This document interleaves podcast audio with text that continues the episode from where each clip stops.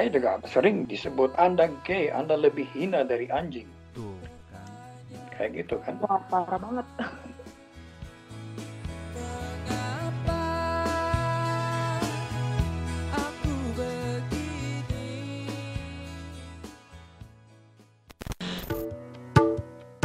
Aku lagi baca satu buku bagus nih. Apa itu? Judulnya tuh pokoknya ada pelangi. Waduh, jangan-jangan itu yang nulik adalah Pak Agung, bener nggak, Jess? Bukan, emang pelukismu Agung siapa gerangan. Kirain apa namanya kalau pelangi itu pasti wah apa namanya ah, Agung nih. Siapa dong itu yang nulis? Pelangi, pelangi lima identitas gender di suku Bugis itu kayak ada oro oroane namanya laki-laki dan menganggap dirinya Mhm. sebagai laki-laki maskulin makundrai Hmm. juga. Itu artinya perempuan. Nah perempuan itu menganggap dirinya sebagai perempuan yang feminin yang cara berpakaiannya seperti perempuan yang kita tahu lah. Nah yang bedanya itu dari gender yang kita tahu ada dua itu kita ada calabai, calalai dan bisu. Ada tiga lagi. Oke, apa tuh?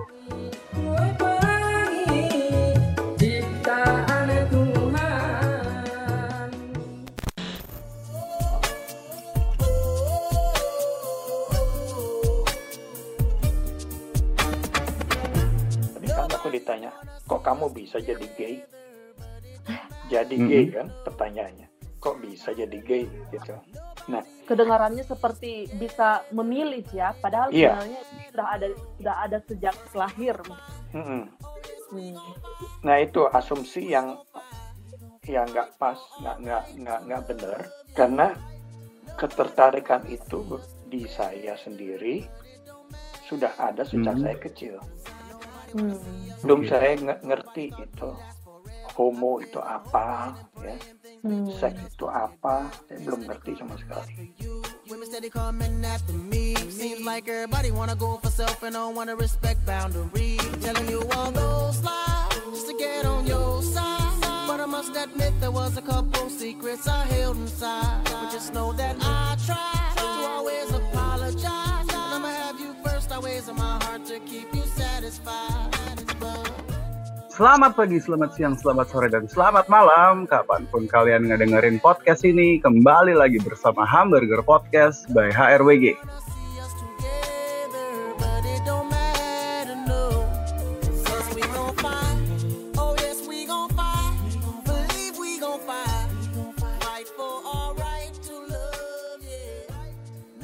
Oke, hari ini akhirnya kita nongkrong lagi dan lagi-lagi kita nongkrongnya jarak jauh nih.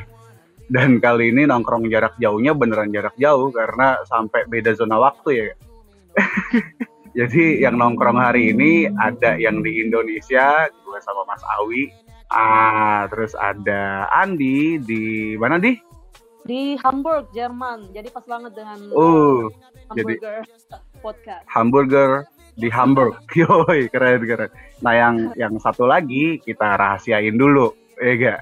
Biar jadi surprise. Biar jadi surprise. Halo Om. Halo, Jadi eh, jadi apa kabar nih teman-teman nih? Udah lama nggak ketemu-ketemu kita. Hari ini akan spesial ya sebenarnya ada momentum Hmm. nasional peringatan Sumpah Pemuda. Cie. Hmm, Gimana teman-teman ngelihat Sumpah Pemuda? Sumpah Pemuda. Andi gimana Andi? Ada geliat-geliat apa di Belanda? Eh di di Jerman? Di Jerman sekarang lagi eh, alert-alertnya lagi eh, kembali lagi dengan apa keadaan-keadaan COVID yang memburuk lagi. Jadi kejadiannya seperti kayak Maret dan April itu kita di sini bakalan diisolasi lagi social distance. Oke. di- Covid masih ya deal sama Covid ya. Akan Ya. ada local lockdown atau national lockdown? Ah, Lokal kayaknya. lockdown eh, national lockdown kayaknya enggak tapi so- social distancing itu eh, bakalan di, di ini lagi diregulasikan lagi eh, minggu depan ya. Kita mau nongkrong apa sih Jess? Jess udah apa namanya jarak jauh kayak gini malam-malam di hari sumpah Iya. pemuda lagi kita mau bersumpah atau gimana nih Jess? Upacara atau gimana nih? nah, so- so- soal soal sumpah soal Sumpah Pemuda nih ada hal menarik nih. Gimana? Jadi tadi tadi ini kan aku gua nih masih di LBH nih gara-gara tadi habis aksi soal penolakan Omnibus Law, Oke. ya kan? Nah, tadi tuh Mbak Asvin, direkturnya LBH itu orasi. Dia ngomong begini, Sumpah Pemuda itu adalah bentuk pembangkangan sipil dan kalau nggak ada pembangkangan sipil, yaitu Sumpah Pemuda salah satunya, kita nggak akan merdeka. Oke, Keren. waktu itu yang itu adalah eh, Belanda ya yang yang lagi menguasai politik ya, administrasinya ya. Heeh. Oke. Yoi. Itu kan tahun 28 tuh. Heeh. Tahun 28 tuh. Nah, tahun 26-nya kan Belanda baru ngeluarin apa? 1926 itu Belanda baru mengeluarkan klasifikasi yang tiga kelas eh, masyarakat itu. Yang eh, Oke. Eropa, Timur Asing. Oke, ah, situ. jadi ketika sumpah ketika sumpah pemuda itu eh, dilakukan itu adalah bentuk pembangkangan sipil terhadap yang dikeluarkan oleh kolonial Belanda tahun 26. Oke, Eh. keren ya. Nah, Jadi sekarang Eh. kira-kira apa nih tantangan pemuda hari-hari ini dengan situasi politik yang, nah, situasi politiknya gimana nih, Jess? kalau ya ya ya ya hari ini pertama-tama kita mesti menyadari dulu ya apa yang kita lawan dengan hashtag mesti tidak percaya itu kan. Apa sih yang nggak dipercaya hari ini? Gitu. Nah, oh yang kita nggak percaya hari ini adalah sistemnya kemudian produk-produk hukumnya dan segala macam. Ya itu kemudian di situ yuk apa yang bisa kita lakuin bareng-bareng? Sebetulnya kan kayak gitu. Nah kalau untuk Andi karena kan sendiri, Di, ini Heeh. Hmm. Andi gimana Di ngeliat Sumpah Pemuda ini, Di? Eh, aku kayaknya kurang tahu banyak tentang Sumpah Pemuda sebagai generasi agak-agak generasi muda agak-agak kurang tahu sebenarnya tentang Nah. Sumpah Pemuda Mas Awi. Kita punya temen nongkrong sangat spesial hmm, yang hmm. tentu mungkin kita bisa di ujung eh, nongkrong-nongkrong kita eh, malam hari ini ya, mungkin kita bisa buat sumpah ujungnya nanti. Sum, sesua- Eh, oh. apa namanya? Oh. bener-bener menyingkapi situasi hari ini. Yaitu kalau dulu tantangannya ada diskriminasi antara eh, katakanlah orang warga kelas 1 yaitu Eropa, kemudian warga kelas 2 adalah timur asing, orang-orang Jepang, orang-orang Cina itu dianggap kelas 2. Kemudian kita orang-orang eh, lokal ya dianggap sebagai warga negara kelas 3 di di negaranya sendiri bayangin coba. Nah, saat ini ada persoalan yang juga cukup katakanlah eh, akut ya dan di belahan dunia yang lain persoalan ini udah udah selesai. Dari tadi eh, kita ngomong soal Sumpah Pemuda, kemudian ada kaitannya sama Belanda. Nah, temen nongkrong kita juga sekarang ada di Belanda, Jess. Bu, mantep. Eh, ngomong-ngomong ngomong-ngomong ini, aku lagi baca satu buku bagus nih. Mas. Apa itu? Judulnya tuh pokoknya ada pelangi. Waduh, Itu pokoknya eh, ada itu- pelangi. Hmm. Aku Itu, yakin, Jess. ditulis oleh No, bentar, bentar. eh, eh, Jangan-jangan itu yang nulis adalah Pak Agung, bener nggak, Jess? Bukan, emang pelukismu Agung siapa gerangan. Kirain apa namanya kalau pelangi itu pasti wah apa namanya ah, Agung nih. Siapa dong itu yang nulis? jadi jadi penulisnya itu Ibu Magda Sitorus. Oh, Bu Bukunya. Magdalena Sirus Oh. Magdalena, Oh, oh. istrinya Bang As yang Hmm. kemarin baru saja kita peringati Ya. 10 tahunnya ya eh, kepergian Bang As. Keren, keren, keren, keren, keren. Siapa sih yang ditulis? Dan bukunya bukunya itu nulis tentang Om Ui Tun King. Itu dia adalah seorang pendiri Arus Pelangi, makanya judulnya pokoknya ada pelangi. Wow, keren banget. Aku pengen baca nih. Di mana bisa belinya, Jess? Iya. Ah, banyak di toko-toko buku sih Mas, Oke Mas. deh. karena aku dikasih Oke, oke, oke, oke. Terus, terus, terus. Apa serunya Iya. buku Nah, itu? emang emang ya buku itu ya seru tentang cerita gimana Om Om King dulu awalnya eh, masa kecilnya ya dia waktu mau pindah ke Belanda itu kan terkait dengan geliat politik di Indonesia tuh tahun 65-an tuh. Oke. Eh, gitu-gitu. Eh, tapi nantilah kita bahas lagi. Ini emang hari ini yang kita mau undang siapa sih Mas? Namanya Yang yang kita ajak nongkrong hari Om King Oi. Sama dong. Halo Om King, waduh, ini gue udah nggak sabar banget dari Halo. tadi untuk memulai ngobrol nih. Just ada banyak teka-teki lah ini itu. Tapi namanya kok agak beda ya Om ya. Sorry Om, kita kenalan dulu Om. Kok namanya tadi kata Jess Oke. itu eh, nama Tionghoa ya, agak panjang. Sementara saya kenal udah cukup lama kan, mungkin lebih dari 10 tahun yang lalu. Setauku namanya Om King. Wah, siapa namanya sih Om? Oh iya. Gimana gimana Om? Kalau Oke, kalau ya Om ya itu mungkin karena aku bukan pemuda lagi ya. Aku dipanggil Om sekarang. Waduh. Meskipun aku sering sumpah-sumpah, tapi bukan Bener, pemuda Om. lagi. Kita sumpah-sumpahin aja negara yang nggak bener kita sumpah-sumpahin Om. Iya. Oke, sedikit penjelasan dari saya tentang nama saya. Ya, Mm-mm. yang diberikan oleh orang tua saya adalah Ui Tun King. Ya, itu nama Hmm. Tionghoa. Eh, nama marga saya Ui dan Tun King itu dua nama eh, panggilan saya. Eh, karena saya em, satu saat pindah ke Belanda, ya di situ terjadi kebiasaan untuk menaruh nar- nama family, nama marga itu di belakang Hmm. sehingga eh, seharusnya Hmm. jadi Tun King Ui. Nah, tapi kalau saya sebetulnya suka yang nama yang pendek-pendek aja. Tunnya saya hilangin. Saya lepasin. Jadi King Ui aja. King Ui. Ya, Oh biar iya. singkat Mm, gitu. mm, mm, mm, mm.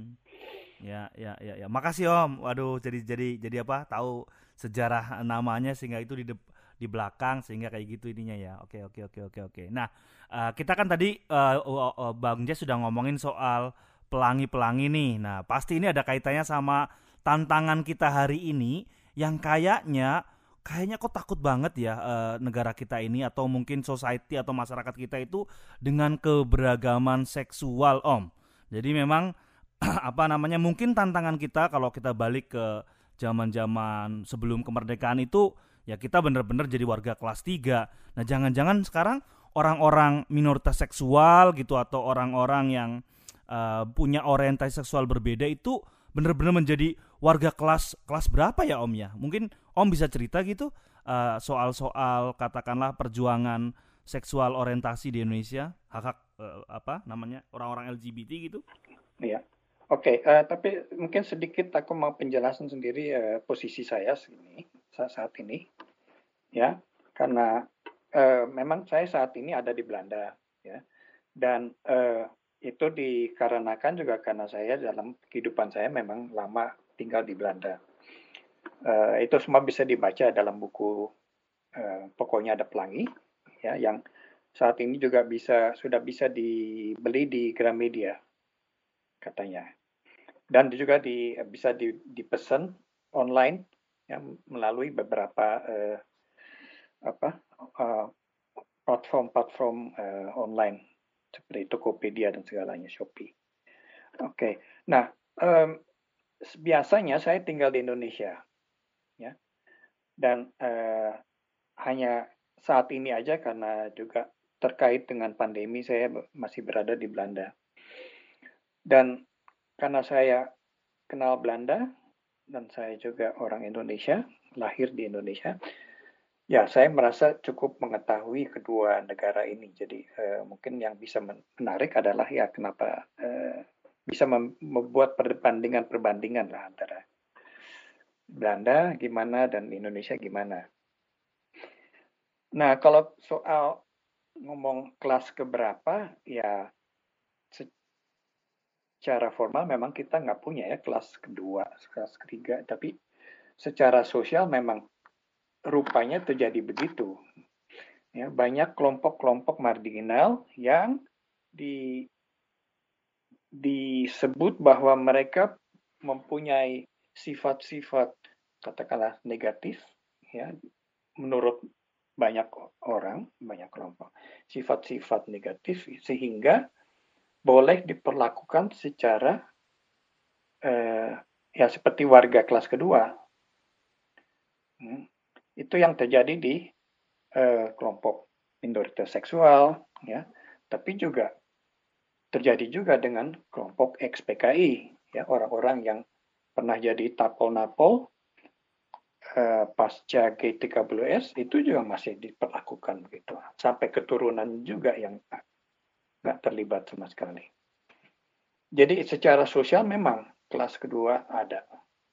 Saya kira begitu. Ya, ya jadi secara sosial memang ya kata ada persoalan diskriminasi ya terhadap orang-orang yang punya orientasi seksual yang berbeda gitu ya Om ya karena di sini mungkin banyak orang yang anggap ya namanya eh, orang ya eh, cowok cewek gitu ya kemudian kalau orientasi seksualnya itu eh, homoseksual ya dianggap eh, ada penyimpangan dan sebagainya masih kayak gitu kayaknya Om ya Iya, Ya. saya juga sering di- disebut, ah Anda gay, Anda lebih hina dari anjing, tuh kan ya. kayak kayak gitu kan. Wah, parah banget.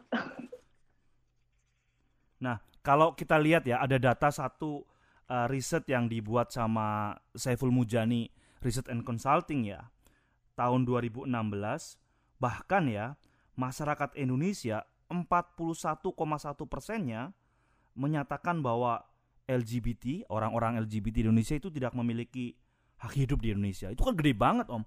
Hampir hampir eh, 50 persen hampir misalkan dari eh, 10 orang empat orang tuh ngerasa kayak gitu. Itu kan situasi yang yang ngeri ya. Jadi memang saya rasanya memang nggak ada secara formal nggak ada kelas-kelasnya tapi secara sosial ya memang eh, ya ya dianggap ancaman gitu ya om.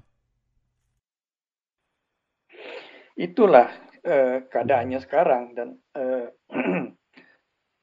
dan em, itu menjadi satu petanda bahwa era reformasi yang seharusnya membawakan lebih banyak eh, kebebasan dan eh, keragaman sosial ya, itu menjadi ya, Hmm. tentu banyak hal-hal yang yang eh, yang apa memperkuat tendensi tendensi itu eh, misalnya dari segi eh, penolakan agama Hmm. tapi juga dari segi eh, eh, apa itu polit apa dikotomi sosial dikotomi pol- politik ya antara kelompok-kelompok yang pro pemerintah dan eh, yang oposisi ya sehingga yang kita lihat ya isu LGBT sering di, dijadiin mainan politik Hmm, Oke oke oke oke. Ah Om, Om, aku mau nanya nih Om. ya Ah, aku mau nanya gini. Itu kan judul bukunya itu kan pokoknya ada pelangi gitu ya. Mm-mm. Ah itu kan kalau tebakanku sih kan karena Om adalah juga pendiri arus pelangi tuh, iya ya kan? Ah. Nah itu bisa diceritain gak sih tuh dulu tuh awalnya gimana sih Om sampai bisa ah kayaknya gue perlu nih untuk membuat sebuah lembaga yang eh, akan mengadvokasi hak-hak LGBT di Indonesia gitu. Itu gimana sih cerita awalnya tuh Om? Hmm. Oke, eh, Hmm. ya ceritanya em, cukup panjang sebetulnya. Em, Mhm. Saat eh, saya ti- tinggal di Belanda, waktu saya masih Mhm. kuliah, itu eh, saya mengikuti perkembangan eh, perkembangan sosial di di Belanda dan di Eropa secara umum eh, yang mengalami revolusi mental. Dalam arti Hmm. para pemuda itu tidak mau lagi eh, apa tunduk pada otoritas dari orang-orang tua. Ya, mereka Mhm. bilang kami juga udah eh, udah dewasa dan kita bisa menentukan sendiri. Ya, jadi eh, o- sikap otoritarian yang dulu sangat kuat itu mereka tolak dan mereka juga melakukan banyak hal yang sebetulnya eh, eh, menjadi eh, menjadi apa eh, titik mula dari demokratisasi yang lebih luas. Ya termasuk juga di bidang sosial termasuk juga di bidang seksualitas ya. Yang dulunya masih sangat rigid eh, masalah seksualitas ya nggak boleh diomongin tabu ya seperti seperti di Indonesia sekarang ini. Di situ juga berlaku. Tapi setelah itu tahun 60-an tahun 70-an itu terjadi eh, suasana yang lebih baru di mana ya lebih banyak mm, kebebasan yang bisa dinikmati oleh eh, anak-anak muda generasi muda termasuk juga orang-orang yang mem- memperjuangkan eh, nasib gay dan lesbian. Waktu itu yang muncul Hmm. itu baru baru gay dan lesbian ya. Transgender itu masih sangat samar, tidak terlalu Hmm. diangkat ke permukaan. Tapi mereka kelompok itu makin makin berani untuk menunjukkan diri, ya. Dan juga masyarakat secara luas juga lebih apa ya eh, menerima mereka, melihat bahwa Oke, ya ini masalah kebebasan, ya. Oh. Tiap orang ya, harusnya kan bebas untuk menentukan nasib sendiri, termasuk juga eh, Hmm. Di mana dia mem- me- mencari kebahagiaan dalam hidupnya. Oh, Ya. Oke, iya iya iya. itu yang itu yang itu yang That's paling it. inti sebetulnya ya kalau Hmm, orang hmm, hmm, hmm. merasa ya saya lebih bahagia kalau saya ber- bisa berpasangan sesama jenis ya kenapa harus Yep, halang-halangi betul. Ya, sekarang Gitu. juga Setuju tuh, Om. Jadi, ada ada berita Mm, tuh mm, mm. kalau apa namanya di ya di mana-mana lah ya banyak berita bahwa Hmm. bahkan pemimpin Katolik eh, dunia ya Paus Fransiskus juga sekarang mendorong tuh pernikahan sesama jenis itu kabar bagus ya Om kayak gini ya Om. oh ya oh, Nah tapi sangat bagus menurut saya ya tapi satu Wah. satu lagi Jas sebelumnya Jas. Nah, sebelumnya Jas sebelumnya Jas. hmm, hmm, hmm, Tapi kan hmm, tadi. Om Om King juga Iya iya iya ngomong iya iya. Om King ngomong bahwa dulu sekitar akhir 60-an di, di di di Eropa sana ada revolusi mental. Nah, di sini juga ada revolusi mental, Om. Hmm. Ya. Di sini juga ada revolusi mental tuh. Mental yang konteksnya mental- lain tuh. mental mental apa aja Kalau kalau di sini, tar dulu, tar dulu, Mas. Kalau di sini, kalau di sini, kalau di sini revolusi mentalnya harus pakai baju kotak-kotak. masih ya Oke, Ya, ini om, om, om, om. ngomong soal Om, ada yang ada yang menarik nih. Nah, Ada yang menarik nih. Tadi kan Om bilang tuh soal bagaimana akhirnya orang-orang eh, revolusi mentalnya adalah menolak tunduk pada otoritas dan karena mereka meyakini bahwa kita punya hak untuk menentukan nasib sendiri gitu, mm, ya kan? Ya. Nah itu juga tuh yang Om alami berarti Om ya. ya sebagai anak muda Oh. saat itu juga ya saya ikut ikutan ya itu juga zamannya Oh. demo-demo banyak sekali itu. Demo mm, apa anti perang di Vietnam, demo Hmm, eh, hmm, di universitas yang menolak eh, hmm. eh, apa eh, sistem authoritarian yang ada di situ. Dulu kan nggak- belum ada dewan dewan mahasiswa segalanya tuh. Hanya hanya profesor-profesor oke, aja oke. menentukan segalanya. Nah, dengan demo-demo itu terjadilah perubahan-perubahan ya di dalam struktur-struktur segalanya di mana eh, rakyat lebih banyak dilibatkan ya ada orang-orang yang bersangkutan dalam beberapa eh, struktur juga dilibatkan ya seperti mahasiswa dalam universitas segalanya. Nah, gitu-gitu yang terjadi dan juga eh, dalam kebijakan negara juga ya warga juga Hmm. lebih sekarang lebih didengarkan. Itu jadi menjadi Hmm, hmm, hmm, hmm. satu hal yang sudah mutlak di Eropa. Nah, di situ saya lihat Hmm. bahwa ternyata ya sebagai gay kita juga bisa memperjuangkan hak-hak secara struktural, Yap. secara hukum. Ya, bukan hanya Hmm, oh ya hmm, sekarang kita bisa buka buka gay bar. Ya, itu memang baik ya Hmm. gitu. Tapi kan hak-hak lain seperti hak-hak eh, eh, hidup bersama ya sebagai pasangan, hak-hak yap, yap. untuk eh, mendapat warisan, Hmm. Hmm. hak-hak untuk mengadopsi Hal-hal apa- anak, hak-hak ya, administratif. Iya. Iya, iya. hak kerja, ya Oh, oh, seperti oh. eh, kan kalau pasangan ya yang ya apa eh, employer yang yang bekerja itu juga mendapat hak untuk eh, Oh. apa hak eh, dapat ya tambahan gaji lah katakanlah ya karena memiliki Hmm. pasangan gitu. Nah itu itu Iya, iya, itu iya, iya. dilakukan oleh organisasi-organisasi gay lesbian saat itu. Oh. Mereka maju ke depan. Nah aku merasa sangat terinspirasi dan Dan inspirasi itulah yang itu mendorong bawa Om bikin arus pelangi gitu Om ya. Iya Oh, oh, oh. saat tahun 2000 itu sudah sudah masa reformasi ya saya Mhm. balik di Indonesia saya bekerja dengan eh, organisasi-organisasi HAM, ya, seperti Hmm. PBHI, dan LBH.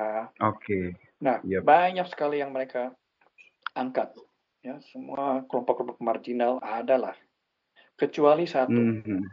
yang nggak pernah masuk ke permukaan, itu LGBT. Yep. Nggak Oke. pernah dibicarakan, nggak pernah diangkat, nggak pernah dibela. Hmm. Nah, aku pikir ya ini ada ada kekosongan ya. Hmm. Mhm. Nah, mer- saya merasa ya kalau eh, organisasi eh, HAM itu memang terlalu sibuk atau memang belum punya perhatian khusus, kenapa kita nggak bikin Iya, iya, sendiri gitu. Hmm. Nah, itu Betul. menjadi Iya, iya. permulaan Oh, ya. Oke. Eh, oke. Oh. Salah Oh ya Om. satu Oh, terus? apa yang hmm, sebenarnya pendiri eh, utamanya mungkin bukan saya, tapi Widodo, Mhm. Widodo Budi Darmo. Oh. banyak orang kenal. Heeh. Dia, heeh. dia itu yang paling Oh, rajin. almarhum Mas Dodo tuh. Heeh.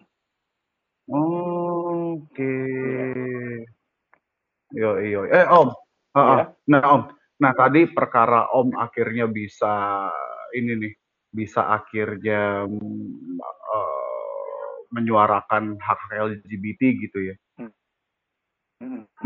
Hari ini kan sebetulnya yang masih jadi problem di Indonesia itu adalah banyak, saya juga banyak Om punya teman-teman yang yang gay gitu ya. Iya. Dan mereka dan mereka nggak berani come out gitu karena Hmm. masih rentan dipersekusi bahkan di level nggak usah ngomong jauh-jauh di tatanan masyarakat Hmm. tapi bahkan di, di di tatanan keluarga yang paling dekat aja itu kan kerap mendapatkan dalam tanda kutip persekusi. Itu itu gimana tuh om maksudnya gimana sih caranya atau mungkin dulu waktu om uh, come out gitu apa taktiknya gitu-gitu tuh om Deh guys, Ya, kamot tuh apa kalau- dulu? Kamot tuh apa dulu dong? Kan nggak banyak Ya, orang paham coming kamot out tuh apa. itu, Heeh. iya. Coming oh out iya itu mengakui mengakui ya membuka diri, mengakui membuka diri pada orang lain bahwa dia seorang gay atau Mm-mm. seorang lesbian. Ya. Mm, mm, mm, Karena kalau nggak di kalau nggak diucapkan, orang kan nggak tahu biasanya. mm, mm, kecuali kalau kebetulan ada seorang ada gay yang kemayu. Ya itu menjadi ya menjadi apa eh, referensi bahwa oh ya dia pasti gay gitu.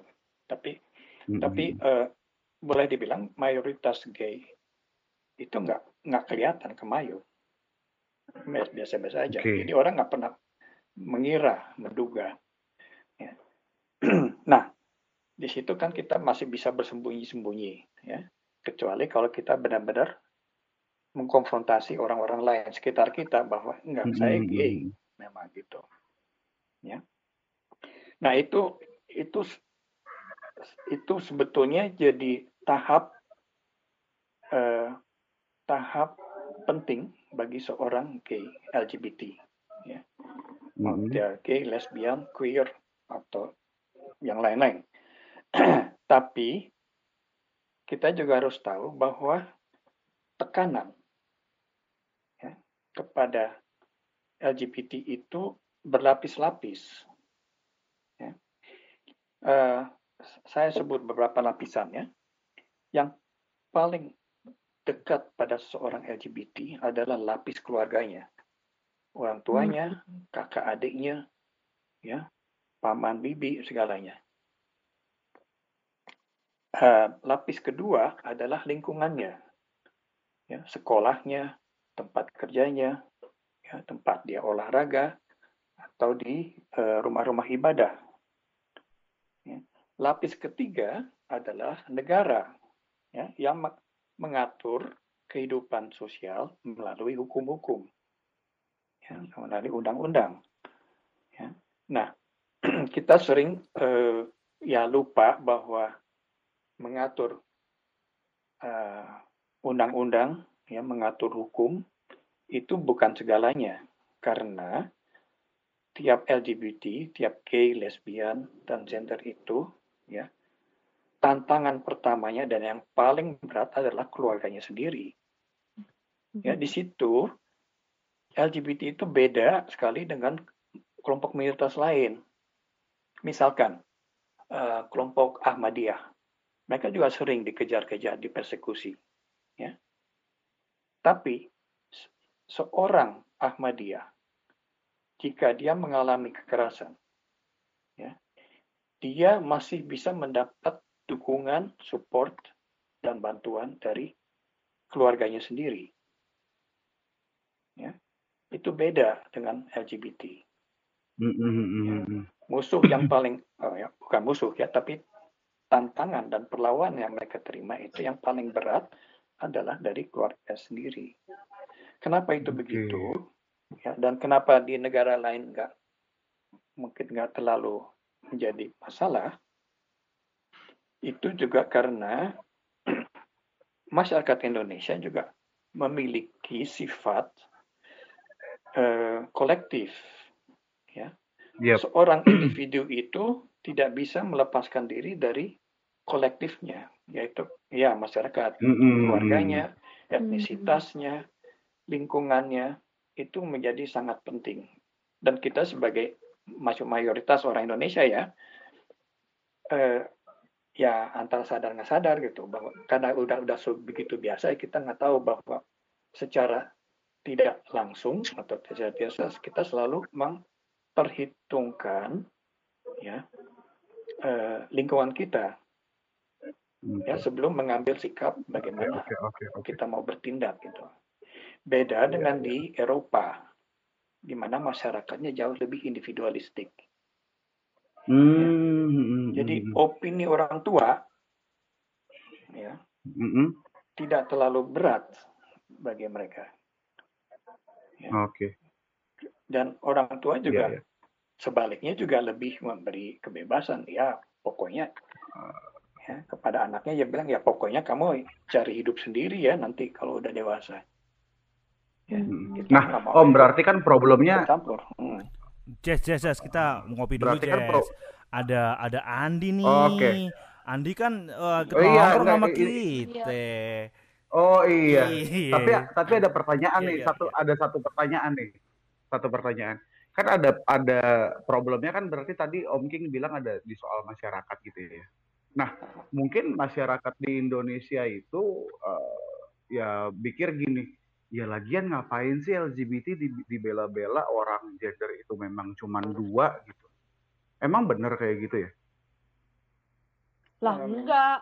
Kalau. Nah? kalau Andi ya, Wah, Andi dari dari ah. Bugis itu di Sulawesi Mm-mm. Selatan kita mengenal lima klasifikasi identitas gender. Jadi contohnya kalau Oh di gitu. Bugis, iya. Jadi contohnya kalau di Heeh, heeh. eh, eh, suku Bugis kita ada lima eh, eh, yang enggak langsung terrefleksikan dari jenis kelaminnya. Jadi itu dilihat Oh, dari bagaimana bagaimana mereka menganggap dirinya sebagai individual, apakah mereka maskulin, Mm-mm. feminin, atau queer. Dan itu juga bisa Hmm. terefleksi dari cara berpakaian atau peran-peran mereka di Hmm. masyarakat. Jadi nggak nggak harus Hmm. dari jenis kelaminnya gitu. Oke. Ya, terus kalau kayak misalnya lima gender, lima identitas gender di suku Bugis itu kayak ada oro oroane namanya, Mhm. oroane laki-laki dan menganggap dirinya Mhm. sebagai laki-laki maskulin.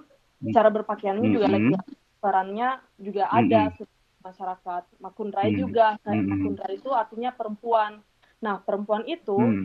eh, menganggap dirinya sebagai perempuan yang feminin, yang cara berpakaiannya sepa- eh, seperti perempuan yang kita tahu lah. Nah, yang bedanya itu dari dari eh, gender yang kita tahu ada dua itu, kita ada calabai, calalai, dan bisu. Jadi Hmm. ada tiga lagi. Oke, apa tuh? Nah, kalau calabai Apa itu tuh? Kondisi biologisnya, kon- kondisi biologis laki-lakinya itu ya seperti laki-laki, tapi menganggap dirinya perempuan. Jadi mereka fungsinya kalau Oke. Iya, beda perannya di masyarakat. Kalau calabai itu Ora. menganggap Iya. Jadi kalau mereka menganggap dirinya sebagai perempuan, biasanya fungsinya kayak kalau ada pe- pernikahan atau ada acara kemasyarakatan, mereka yang kayak membantu hair and makeup, merias pengantin, Hmm. siapkan makanan. hmm. Iya, kayak perempuan. Hmm. Nah, kalau calalai beda lagi. Mereka kondisi biologisnya memang eh, em, perempuan, tapi mereka menganggap dirinya sebagai laki-laki gitu. Jadi eh, keterbalikannya. Dan Dan- terakhir bisu. dan- Oke. Iya. bisu dan- apa Nah, kalau iya, bisu tuh apa terakhir tuh? itu bisu. Nah, kalau bisu itu mereka lahir dengan kondisi biologis entah laki-laki atau perempuan, tapi kebanyakan laki-laki ya. Mereka itu Hmm. dianggap orang suci. Jadi mereka itu laki-laki dan perempuan. Mereka menganggap dirinya sebagai Oh, ada bisu Queer. perempuan juga ya? ya ada ada perempuan Ah, juga. Oke. Dan dulunya itu orang bisu itu dianggap seperti kayak shaman. Hmm, apa itu? Shaman yang Oh. iya dipercaya oleh kayak pihak kerajaan Bugis untuk Mm-mm. menjaga apa ya menjaga eh, pusaka kerajaan atau menjadi Oh, perantara nice. kehidupan manusia dan apalah dewa-dewa Oh. leluhur dan lain-lain seperti itu jadi beda Ja- kalau definisi gender Jadi- itu jadi, uh. Jadi bahkan queer itu bisa mendapatkan posisi yang yang ini ya, queer itu bisa mendapatkan posisi sangat terhormat, dalam tanda kutip, sangat tinggi posisi- di Ah, masyarakat. ya. terhormat dan banget Tapi kok kenapa Dan di- sekarang nggak kayak gitu ya? Jadi eh, keren banget nih Ah. lu lu gua apa namanya? Gua demen banget lu ikut nongkrong di apa namanya tongkrongan kita. Lu udah ngopi belum di Jerman sana? Jam berapa sih sekarang? Langsung masuk penjelasan 5 gender. lima iya menjelang jam lima udah kalau minum kopi udah nggak bisa tidur Oh. lagi Oke, baru jam 5 di sana. Jess jam berapa aja juga minum Iya. kopi, Jess. Anyway, Eh. jadi Yoi. Jadi jadi itu menurut aku me- menjadikan pertanyaan lanjutan tuh.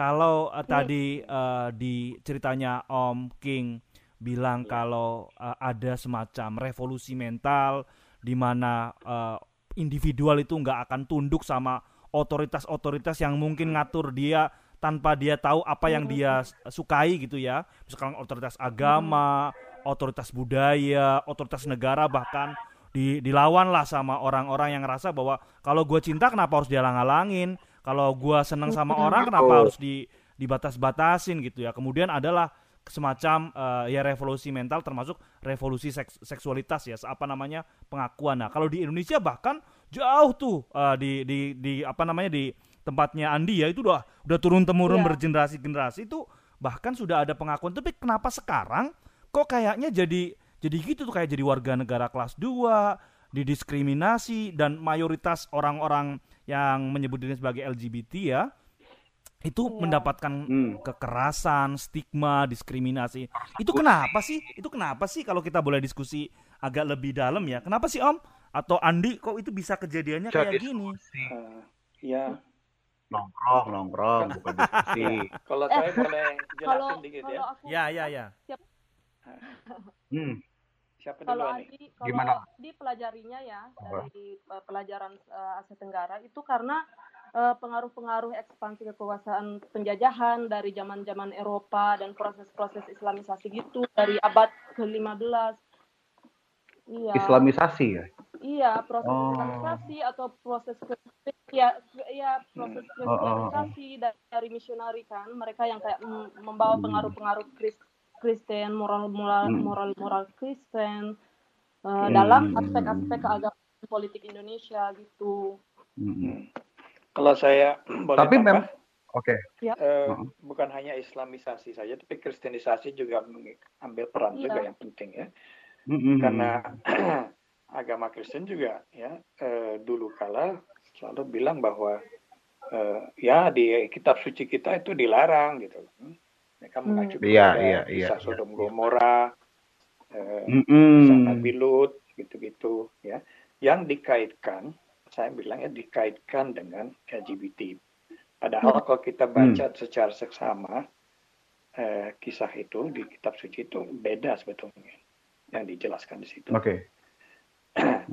tapi interpretasi ya dan Hmm. ya jadi ya sayangnya ya memang eh, hal-hal itu masih sangat membekas di Indonesia ya, akibat dari Hmm. kristenisasi akibat dari islamisasi nah saya mau cerita Jadi bedanya gimana gender tuh, Om? ya Hah? kenapa Oh, bedanya bedanya gimana tuh kan tadi Om bilang tuh Sodom Gomora itu kan sering dikaitkan dengan LGBT tuh, Ya. ya kan? Heeh. Tetapi kan Om bilang sebetulnya beda. Bedanya tuh gimana sebetulnya? beda kalau kita baca ya ayat-ayat itu oh, oh. di kitab suci Oh. Oh. bahkan juga di Al-Quran saya kira tapi saya kurang saya kurang tahu saya sendiri dididik sebagai Katolik tapi saya eh, terus terang udah jarang-jarang ke gereja ya tapi saya pernah Sama baca ayat-ayat itu dan di situ Heeh. kali saya baca bahwa Nabi Lut itu ya Hmm. mendapat tekanan dari eh, warga Sodom ya. Ah. karena dia meng- sedang em, menerima tamu. Dan warga Sodom itu ingin ya berkenalan dengan tamu itu. Dan eh, konteks berkenalan itu ya dalam hal itu terka- eh, termasuk juga eh, apa hubungan seksual Hmm. tapi kenapa Nabi Lut menolak menyerahkan dua tamunya itu? Ya, karena dia anggap warga eh, warga Sodom itu nggak sopan, Hmm. tidak menghargai eh, keramahan terhadap tamu yang datang. Ya, Oke. bukan bukan karena seluruh warga Sodom itu gay atau lesbian. Hmm. Ya, itu nggak pernah disebut. Jadi interpretasi-interpretasi dari ayat-ayat itu yang dilakukan oleh ahli-ahli agama, yaitu yang menjurus semuanya menjadi seakan-akan itu kutukan terhadap gay dan lesbian, Hmm. terhadap homoseksualitas. Ya. Padahal kalau kita lihat ya, Nabi Yesus nggak pernah mengucapkan apa pun soal homoseksualitas. Hmm. Hmm, Nggak oke. pernah dia utak-atik. Iya. Ya. Nah itu. Tapi aku, saya sekali lagi bukan ahli agama. Jadi saya cuma Iya iya. menginterpretasikan apa yang saya baca di kitab suci. Ya. Kalau saya boleh kembali ke gender, kenapa sih hanya Uh-uh. dua gender? Ya. Eh, ya simple aja sebetulnya. Itu mungkin karena kebiasaan kita dididik bahwa seakan-akan seluruh alam itu biner. Hmm. Hmm, Ada malam, ada siang hari, Iya. Iya. ah. ada dingin, ada panas, Hmm. Dan seterusnya. Ada laki, ada perempuan. Ya. Seakan-akan ya seluruh alamiah alam itu hanya dua dua aspek.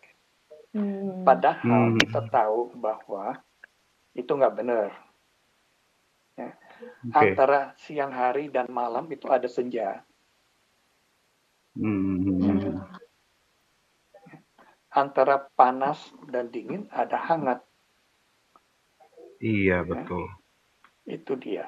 Begitu pula antara laki-laki dan perempuan ada juga orang-orang yang satu secara fisik ya ada di tengah-tengah dalam arti mereka Mhm. bisa aja punya kelamin yang eh, eh, eh, jenis kelamin yang ya antara laki-laki dan perempuan tapi nggak Hmm. jelas Ya. atau mungkin ada dua-duanya Iya, iya, iya. hadir Iya. gitu. Nah, kalau juga soal eh, ketertarikan, ya, saya bilang ya karena biner ketertariknya harus lawan jenis.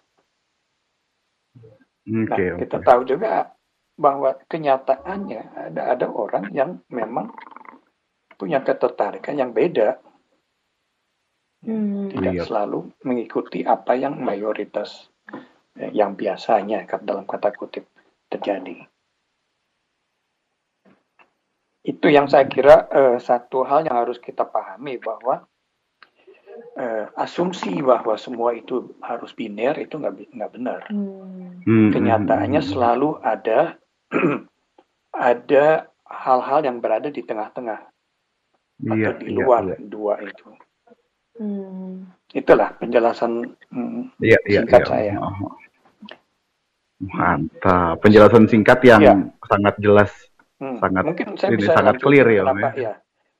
Jadi pengalaman saya Hmm. sendiri. Ya. Seringkali aku ditanya, kok kamu bisa jadi gay? jadi Mm-mm. gay kan pertanyaannya kok bisa jadi gay gitu Kedengarannya seperti bisa memilih ya, padahal Iya. sebenarnya sudah ada sudah ada sejak lahir mungkin. ya. Mm-mm. Hmm. nah itu asumsi yang yang nggak pas nggak nggak nggak nggak benar Hmm. Soal memilih Iya. memilih karena ketertarikan itu di saya sendiri sudah ada sejak Hmm. saya kecil Hmm. bahkan Oh, sebelum oke. saya nge- ngerti itu homo itu apa ya Hmm. seks itu apa saya belum ngerti sama sekali Hmm. tapi saya masih ingat saya ya kalau main ya saya lebih suka main dengan anak-anak laki teman-teman laki Iya. jadi Iya, iya, iya. ketertarikan saya terhadap sesama jenis itu sudah sejak kecil dan itu nggak pernah hilang sebetulnya. Nah, saya memang memilih satu saat saya memilih, tapi bukan memilih jadi gay, tapi saya memilih untuk membuka diri Hmm. bahwa Oke. saya memang gay. Ya. Jadi kalau soal memilih itu dua hal, bukan memilih menjadi gay, tapi memilih untuk coming out, Hmm. berterus Hmm, terang. hmm, hmm, hmm. Nah itu yang mungkin ya banyak Yang- orang belum belum paham. gitu. Iya, suka keliru dikira Seakan-akan ya memilih ya. kalau Iya. eh, kalau lu gay kan lu juga bisa milih jadi hetero. Gak Ya, dianggap Iya, fenomena iya, iya, iya. sosial, sesimpel ikut-ikutan, iya, dianggap juga misalkan banyak Nah, akhirnya orang- akhirnya mungkin Oh, gimana Om? Gimana Om? ya kenapa orang tertarik dengan eh, eh,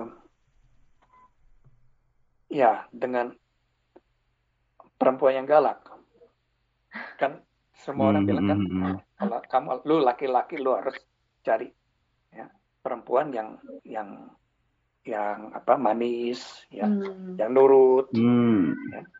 Hmm, hmm. tapi kan toh ada laki-laki yang lebih tertarik dengan perempuan yang pemberani Hmm. Iya, iya, iya. Dan tapi karena karena apa eh, tekanan sosial mungkin mereka juga nggak berani mengaku bahwa sebetulnya itu yang mereka lebih suka gitu. Iya. jadi itu sangat juga terkait dengan em, apa ya tekanan sosial ya kontrol sosial yang Hmm, hmm. harus kita hadapi Hmm, di hidup sehari-hari Nah, akhirnya sekarang mungkin pertanyaannya jadi, oke sekarang apa sih hal-hal konkret yang bisa kita lakukan di kehidupan sehari-hari agar ya setidak-tidaknya hak-hak teman-teman LGBT kemudian bisa sedikit demi sedikit mulai eh, men- teman-teman bisa mulai mendapatkan hak-haknya sebagai warga negara dan lain-lainnya gitu Om. Ya, kalau itu mungkin saya mau tanya balik tanya dulu ke ke teman-teman. Hmm.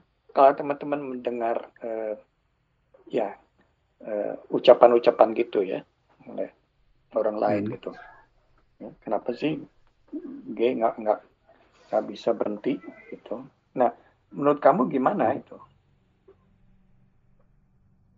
Apa yang apa yang jadi dasar pemikiran kita?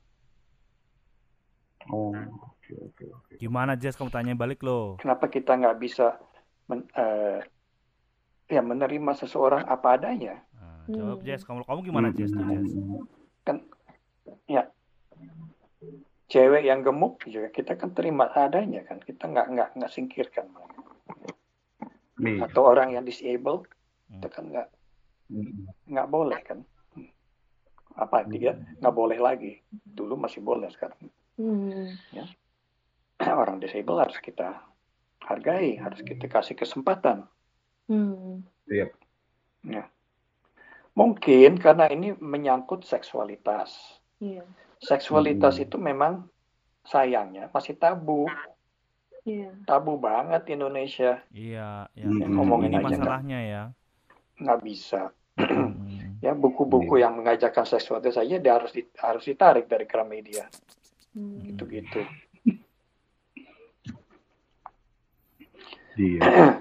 dan, apa membahas eh, undang-undang anti kekerasan seksual terhadap perempuan karena itu menyangkut ke seksualitas ya jadi jadi banyak yang anti Iya, iya, iya, Hmm. iya, iya. anti undang-undang itu. RUU PKS misalkan Nah ya. itu mungkin jadi salah satu hal yang ya harus kita Hmm. lebih giat eh, mengemukakan sebetulnya ya seksualitas seksualitas kan bagian dari kehidupan manusia ya. Iya, Hmm, iya, hmm, iya. hmm. Kalau saya Kalau ditabuisasi ya Hmm. Kalau saya ngeliat untuk gini. apa? Hmm, betul betul betul Kita betul. harus bertanya untuk Kalau- apa kita bikin itu tabu. Ya kalau kayak Harari ya bilang gini. Padahal itu hal yang sangat real ya Om ya. Ya. Iya. Sangat Hal yang real. sangat yang sangat sehari-hari gitu. Tapi Iya. kenapa harus kayak oh, dihindari percakapan-percakapan soal itu? Berarti mungkin sekarang kita harus lebih mulai berani untuk membahas hal-hal ini secara Iya. apa ya, secara kolektif, secara vulgar gitu ya, bahwa ya ini adalah bagian dari realita yang ada gitu kali Om. Hmm. Oh, oh, oh, oh, oh, oh. Aku mau balik tadi tuh. Mas Awi diam aja nih Mas Awi nih dari tadi kita ngobrol nih. Tadi Mas Awi denger nggak? Denger Mas gua nggak? Awi masih masih ada nggak? Ada. masih Halo, masih ya, halo, di mute tuh Mas Ya, Awi ya, tuh. Ya, oke. Ah, ah, ah, ah. Nah, kalau aku nyinggung soal apa namanya soal ini ya, aku ingat pemikirannya Harari ya, Yuval Noah Harari yang nulis soal sapiens, Hmm. uh, Homo Deus Hmm, gitu-gitu hmm, ya, hmm. dan 21st lesson, Hmm, the 21st century something like that ya. Dia bilang gini, uh, sebenarnya ada evolusi Hmm. di diri manusia. Kalau tangan dulu uh, Oke. apa sifatnya hanya untuk manjat pohon, untuk mukul. Tangan Hmm. sekarang juga berevolusi apa namanya bisa untuk main organ gitu ya. Kemudian kaki juga seperti itu, Mm-mm. kita bisa main bola sekarang. Kenapa kok kalau menyangkut seksual, bibir juga kan, tadinya cuma buat ngomong, buat ini, tapi sekarang bisa buat cium dan sebagainya. Nah, kenapa kalau menyangkut seksual langsung di banyak banget aturannya? Padahal semua juga berevolusi. Iya. Karena memang itu tadi mungkin gara-garanya tadi Andi si apa singgung kemudian Om King juga singgung kayaknya masyarakat kita memang masyarakat yang eh, satu kolektivitas eh, apa namanya kekeluargaan gitu ya tapi ada nilai-nilai kekeluargaan itu yang masih tidak cukup terbuka gitu ya itu ada nilai keagamaan yang yang cukup tertutup gitu tidak ramah terhadap kelompok-kelompok yang berbeda eh, gender maupun orientasi seksualnya. Mungkin itu masalahnya. Jadi eh, ada selimut-selimut atau ada lapis-lapis apa namanya eh, persoalan dalam eh, masyarakat kita yang itu di, eh, di terus-menerus di apa namanya di feeding sama interpretasi-interpretasi keagamaan keluarga yang tidak ramah. jangan-jangan itu ma- masalahnya. Eh, gitu nggak sih? Saya eh, menurut nggak om gitu om Betul, betul. Saya sepakat Ya, sekali. ya. nah Ini ah, teman-teman kan anak-anak muda ya. iya iya iya iya Tapi ya. Nah, eh, mungkin Awi udah udah menikah ya, tapi yang lain saya nggak tahu apakah udah menikah. belum belum belum Tapi Belum belum ah, belum belum. nah, Belum. kan masih ada masih ada anggapan bahwa kalau lu belum nikah ya nggak boleh seks ya. Iya. Betul kan? Hmm. Hmm. Iya. Kalian mau aja diem aja gitu. Oh ya benar. Ah. Kalau kalian masih membenarkan itu, ya, Jazz ya masih susah jazz itu. juga untuk untuk membela. Enggak, gua gua rasa gua rasa kalau di hal itu udah banyak yang melakukan pembangkangan sipil. Oke, tapi mau terbuka nggak? Mau mau kamu out nggak? Iya. belum Ah, riskan nih. Riskan, riskan. Ntar dikira mempromosikan seks bebas gitu-gitu ya. Kemudian Iya. apa namanya kena Iya. undang-undang ITE. Iya, undang-undang ITE di sini tuh. Oke, kalau gitu kita bicara seks bebas, bebas. Iya. Hmm. Sebetulnya bebas itu apa salahnya? Betul, itu kan Betul. naluri banget. Itu sangat apa namanya Iya. natural Eh. bebas itu. Justru yang harus Apa, apa salahnya dengan bebas? Hmm. bebas. Yang penting mutual consent selesai, ya kan? Hmm. enggak. Kalau di HAM gini, Dan Des. dan Iya. tidak merugikan orang lain. juga. Iya, betul. Ya itu uh, Iya, ha, kalau kita balik ke apa namanya UDHR ya atau Deklarasi Hak Asasi Hmm. Manusia ya. Deklarasi Universal Hak Asasi Manusia Hmm. itu pasal 16-nya itu nyebut kayak gini. eh, apa namanya Hmm. bahasa Inggrisnya aja ya.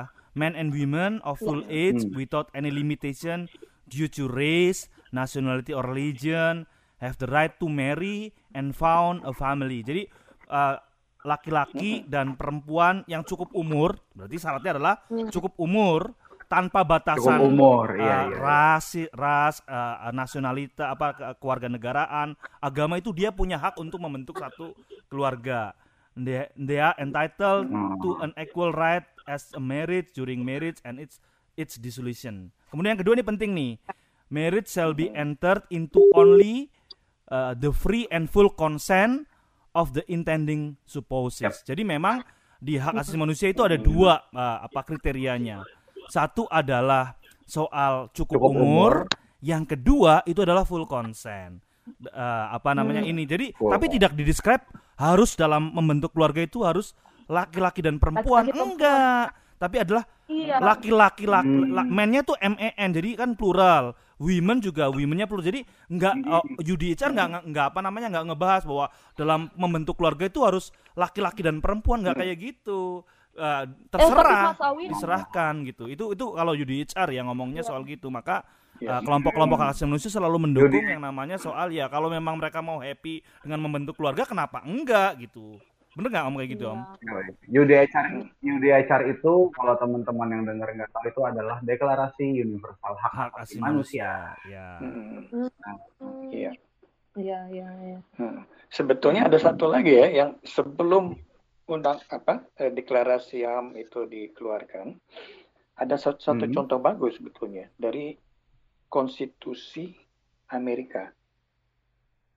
Di situ Oke. eh, saya nggak nggak nggak hafal secara ini, tapi di salah satu eh, pasal pertama itu adalah bahwa tiap warga berhak mendap- mencari dan mendapatkan kebahagiaan. Hmm. ya pursuit Menurut of saya itu happiness sangat ya penting. Jadi uh, apa Hmm. punya hak Ya, untuk Karena me- itu juga ya, men- men- mendasari semua undang-undang HAM. ya Ya. pursuit of happiness ya Om ya. Mm-mm. Iya, Ya. pursuit of happiness. Yap yap yap yap yap yap. Ya ya. Wah keren banget nih obrolan Iya, iya, iya. obrolan kita Keren, ya. keren obrolan hari Dari- ini. Berarti benar-benar universal kan? Benar-benar universal Hmm. di Indonesia sendiri. Saya dari uh, daerah Jawa Tengah ya Om ya. Di sana ada Iya. uh, kebudayaan yang juga sebenarnya cukup ramah awalnya dan sekarang kebudayaan Iya. itu agak hilang Om. Gua nggak tahu gara-gara mungkin Iya. masyarakatnya makin konservatif atau makin tambah Iya. moralis dan beragama. Namanya itu Hmm. lengger, lengger. Jadi Lengger. lengger Lengger. itu Oh. lengger itu ka- kata dasarnya itu eh, dikira itu leng, leng itu lubang, eh ternyata jengger. Jengger itu kayak Hmm. kalau ayam itu dia punya tanduk di kakinya kan. Nah, dikira itu lubang, eh ternyata ada tanduknya. Artinya dikira itu vagina, eh ternyata itu penis. Nah, itu sebenarnya lengger itu adalah eh, apa namanya tarian yang bener-bener eh, sebenarnya itu bisa cross dressing atau juga orang trans gitu ya, cowok yang menarikan eh, apa namanya eh, eh, menarikan eh, dengan eh, penampilan cewek gitu ya. Itu Iya. sungguh dalam acara-acara kebudayaan selalu ada. Tapi akhir-akhir ini itu kebudayaan lengger tuh apa namanya tergerus gitu loh. Saya sedih banget sebenarnya. Iya. Kemudian di Makassar tadi Bugis dibilang, Iya, iya. kemudian Iya. Amerika, kemudian Belanda. Jadi semuanya itu sebenarnya uh, mengarah pada satu nilai kemanusiaan yang sama sebenarnya. Atau nggak tahu gimana? Uh, Andi atau Iya. Om atau Jess gimana? Ya, jadi kalau men- menurut Andi nih ya, bukan cuman lengger aja, tapi banyak sebenarnya eh, refleksi-refleksi Hmm. seksual atau gender pluralism yang bisa dilihat dari misalnya eh, apa kayak Borobudur di situ Candi Borobudur juga terlihat ter, terdokumentasi kayak ukiran-ukiran eh, yang merefleksikan homoseksualitas dan misalnya ada juga Hmm. Haji Dayak atau eh, Mak Yong atau serat centini serat centini yang Hmm. tertulis sudah berabad-abad ya Hmm. yang sudah tertulis berabad-abad lalu eh, meng- eh, itu kan puisi ensiklopedis ya itu ada elemen-elemen heteroseksual juga di dalamnya dan waktu itu tidak problematik baru-baru ini ba- eh, sangat-sangat problematik ya ya ya sorry Hmm. Hom- homoseksual Hmm. iya Oke, oke, oke. dan dan sepertinya itu berubahnya bukan ya dulu eh, proses kristianisasi, kolonialisasi dan Hmm, islamisasi hmm, hmm. dan juga em, yang dekat-dekat ini zaman zaman eh, Soeharto era era Orde Hmm. Baru karena mereka waktu itu waktu itu kan ada kayak eh, program keluarga berencana. Nah itu kita di, udah Iya. udah mendikte bagaimana sih keluarga ideal itu seperti apa sih? Ada peran laki-laki, ada peran ibu, ada peran ayah, Hmm, gitu kan. hmm, hmm, hmm. peran laki-laki seperti apa dan nggak ada yang kayak keluarga itu laki-laki dengan laki-laki atau perempuan dengan perempuan. Jadi, Iya, iya, iya, iya. ya. Jadi, Nah, jadi eh, dari situ juga jadi- sepertinya. Jadi kalau kalau aku boleh nambahin tuh kayak gini sebetulnya. Eh di lu terlepas dari adanya kolonialisasi, kemudian adanya masuknya nilai-nilai agama yang eh, yang yang menjunjung atau yang mengatakan bahwa eh, yang benar adalah heteroseksual gitu ya kan agama-agama itu Hmm. kan gitu ya. Nah di luar di, eh, eh, heteronorma, hetero, heteronormativitas. Di luar itu sebetulnya yang jadi problem yang yang juga jadi problem adalah ya memang karena mungkin ya negaranya dan juga ada orang-orangnya yang mungkin nggak punya kerjaan sehingga akhirnya ngerasa ya udah deh gue nggak punya kerjaan gue ngurusin selangkangan orang lain aja. Hmm. lagian maksudnya kan orang orang ngapain sih ngurusin selangkangan orang gitu? Iya. mendingan lo ngurusin perut orang lain. Oh ada yang lapar nih gue kasih makan gitu ya. Oh ada yang ada yang ada yang sakit nih gue tolongin. Nah ini selangkangan orang diurusin lah. Dia kan kayak dia nggak punya selangkangan sendiri aja gitu gitu gitu gitu Iya. Iya. Kalau untuk penutup apa kira-kira? Aduh penutup kok rongkrongan penutup. Tapi kalau gue sih pengen dalam momentum Sumpah Pemuda ini gue pengen bersumpah loh. Eh, jadi ber, ayo sumpahnya apa coba? Kami putra dan putri mengaku berbahasa satu, bahasa kemanusiaan dua. Kami putra dan putri mengaku bertumpah darah satu. Tanah apa Jess? Hmm. tanah air Indonesia Dan kami bersumpah untuk menolak segala bentuk diskriminasi, termasuk diskriminasi atas seksual orientasi. Cie. Mantap. Iya. selain sumpah selain sumpah Baru ya. selain sumpah yang sifatnya deklaratif kayak gitu mendingan kita juga sekali apa mendingan kita juga berkomitmen untuk selalu menyumpah nyumpahi negara yang yang selalu melanggar HAM dan gak pernah tertangkap op- aktor aktor uh, kuncinya. Oh ya lucu banget satu lagi nih uh, sebelum nutup nih sebelum kita nongkrongnya selesai. Uh, kemarin waktu di awal-awal podcast kita ini kan Jess kita ngomongin kebakaran uh, uh, jagung nih jag- jagung bakar. Kemarin baru, ba- baru ketemu Iya, tuh iya. lucu banget kenapa tuh gara-garanya? eh, Gara- puntung rokok lu pada ngerokok nggak deh hati-hati lu sama puntung rokok kalian lo. Aduh, Om King ngerokok nggak Om King? Aduh. Hah? Enggak. Enggak, kita nggak ngerokok Jess tuh masih ngerokok. Hati-hati Jess. Hmm. iya itu hati-hati deh jangan ngerokok ngerokok di ruangan kalau gitu.